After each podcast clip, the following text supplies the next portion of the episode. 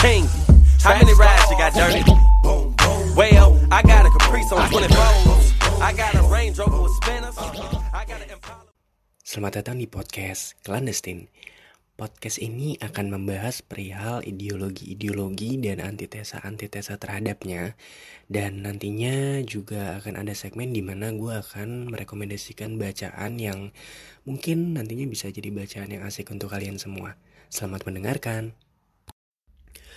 Oke, di episode kali ini mau sedikit membahas perihal sosialisme gitu ya. Apakah pantas bagi seseorang yang bukan merupakan pakar di bidang persoalan sosial dan ekonomi mengemukakan pandangannya berkaitan dengan sosialisme? Karena berbagai alasan, gue yakin hal itu pantas aja dilakukan gitu. Pertama-tama, kita menganalisa pertanyaannya dari sudut pandang ilmu pengetahuan ilmiah ya Terlihat memang nggak ada perbedaan metodologi yang esensial antara astronomi dan ekonomi gitu. Ilmuwan dari kedua disiplin ilmu itu nggak mencoba untuk menemukan hukum-hukum umum yang dapat diterima sebagai sekelompok alasan yang dapat menjelaskan suatu fenomena dalam rangka untuk menghubungkan fenomena-fenomena tersebut dengan sejelas-jelasnya. Tapi pada kenyataannya beberapa perbedaan metodologi memang ada. Penemuan hukum-hukum umum dalam bidang ekonomi disulitkan oleh keadaan di mana pengamatan gejala-gejala ekonomi sering dipengaruhi oleh banyak faktor yang juga sangat sukar untuk dievaluasi secara terpisah. Selain itu, pengalaman yang telah terakumulasi sejak awal masa yang dikenal dengan periode peradaban dari sejarah umat manusia itu udah banyak dipengaruhi dan dibatasi oleh sebab-sebab yang tidak bertujuan ekonomi semata gitu contohnya. Sebagian negara-negara besar dalam sejarah menunjukkan eksistensinya dengan menjajah gitu Para penjajah tersebut mengkokohkan dirinya baik secara hukum dan ekonomi maka sebagai kelas yang istimewa pada negara yang dijajahnya.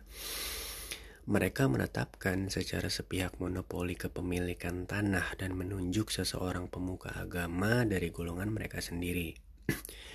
Dalam mengatur pendidikan, pemuka agama udah membuat pembagian kelas dalam masyarakat menjadi institusi permanen dan menciptakan sebuah sistem nilai yang mana masyarakat mulai secara tidak sadar dalam banyak hal diatur tingkah laku sosialnya. Tetapi apakah dalam sejarah kita benar-benar telah dapat mengatasi apa yang Thorstein Veblen katakan sebagai fase pemangsa dalam perkembangan manusia? Buat gua, fakta ekonomi yang dapat diamati dan juga merupakan bagian dari fase tersebut Bahkan hukum-hukum yang diperoleh dari fase itu tidak dapat diterapkan untuk fase-fase lain karena tujuan utama dari sosialisme tepatnya adalah untuk mengatasi dan jauh melampaui fase pemangsa dalam perkembangan manusia. Ilmu ekonomi dalam perkembangannya sekarang dapat memberikan sedikit penerangan bagi masyarakat sosialis di masa mendatang. karena sosialisme diarahkan untuk mencapai etika sosial atau social ethical sebagai tujuan akhir tentunya. Walau bagaimanapun ya ilmu pengetahuan tidak dapat membuat tujuan akhir dan bahkan hanya dapat digunakan manusia secara bertahap yaitu ilmu pengetahuan utamanya dapat memberikan cara bagaimana mencapai tujuan akhir tertentu tapi tujuan akhir itu sendiri berada dalam pikiran seseorang yang memiliki etika idealis tinggi dan kalau tujuan akhir ini belum dikembangkan lebih jauh akan tetapi penting dan kuat diadopsi dan dikembangkan oleh banyak manusia yang uh, setengah sadar menentukan evolusi masyarakat secara lambat Ya, dengan alasan tersebut, kita harus tetap waspada untuk tidak terlalu berharap lebih pada ilmu pengetahuan dan metode ilmiah. Manakala pertanyaan tersebut berkaitan dengan persoalan manusia gitu. Dan kita pun seharusnya tidak menganggap bahwa para pakar sebagai satu-satunya yang berhak untuk mengemukakan tentang pertanyaan seputar organisasi sosial dalam masyarakat gitu. Banyak suara yang menyatakan beberapa saat ini bahwa masyarakat sedang melalui krisis di mana stabilitasnya secara serius telah terganggu gitu, especially for this fucking moment I said uh, COVID-19 symptoms. Ini merupakan karakteristik dari suatu situasi di mana seseorang merasa tidak peduli atau bahkan menjadi tidak ramah apabila berada di dalam grup besar atau kecil di mana mereka bergabung gitu. Dalam rangka untuk menggambarkan maksud gua, maka gua berikan pengalaman pribadi gua gitu. Baru-baru ini gua berdiskusi dengan seseorang yang sangat pandai dan ramah gitu tentang ancaman adanya perang yang menurut gua akan sangat membahayakan keberadaan umat manusia gitu juga gue tegaskan bahwa hanya sebuah organisasi supranasional yang dapat memberikan perlindungan dari bahaya tersebut gitu. Kemudian uh, rekan gue itu menjawab dengan santai dan tenang bahwa lo kenapa begitu menentang pemusnahan umat manusia? Ya gue yakin bahwa pada abad-abad yang lampau nggak ada seorang pun yang akan membuat pernyataan semacam ini gitu. Ini merupakan pernyataan dari seseorang yang telah berjuang keras namun sia-sia untuk memperoleh keseimbangan dalam dirinya sendiri dan kurang lebih menjadi putus asa gitu. Ini merupakan ekspresi dari kesendirian yang menyedihkan dan terasing dari masyarakat banyak yang saat ini sedang menderita gitu. Apa sebabnya? Ada nggak jalan keluarnya? Memang mudah untuk memunculkan pertanyaan semacam ini, tetapi sulit untuk menjawabnya dengan jaminan apa pun gitu. Gue harus mencoba biar bagaimanapun semampu gue, walaupun gue sadar akan fakta bahwa perasaan dan kemampuan kita kadangkala bertentang dan gak mudah dipahami. Hal tersebut ya gak dapat diungkapkan dengan cara yang singkat dan mudah manusia pada satu keadaan dan waktu yang sama adalah seorang makhluk penyendiri dan makhluk sosial gitu. Sebagai makhluk uh, penyendiri ini manusia tuh berusaha untuk melindungi keberadaannya dan yang terpenting untuknya adalah memuaskan keinginan pribadinya. Dan untuk mengembangkan bakatnya sebagai makhluk sosial, manusia berusaha untuk memperoleh pengakuan dan dicintai oleh sesama manusia untuk sharing momen, untuk membuat nyaman mereka di kala sedih dan untuk meningkatkan taraf hidup gitu ya.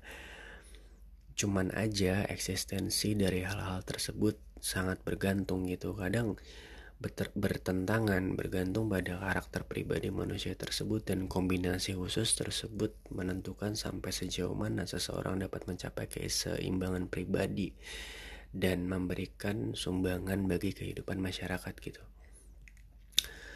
uh, oleh budaya dari masyarakat dan oleh penghargaan yang diperolehnya atas tingkah laku tertentunya konsepsi abstrak masyarakat tuh bagi manusia persoalangan adalah keseluruhan hubungan yang langsung maupun tidak langsung atas masyarakat yang hidup pada masa yang sama atau pada masa sebelumnya gitu. Individu tertentu dapat berpikir merasakan kemudian berjuang dan bekerja bagi dirinya sendiri gitu. Akan tetapi ya sebenarnya bergantung pula pada masyarakat baik secara fisik intelektual dan emosional.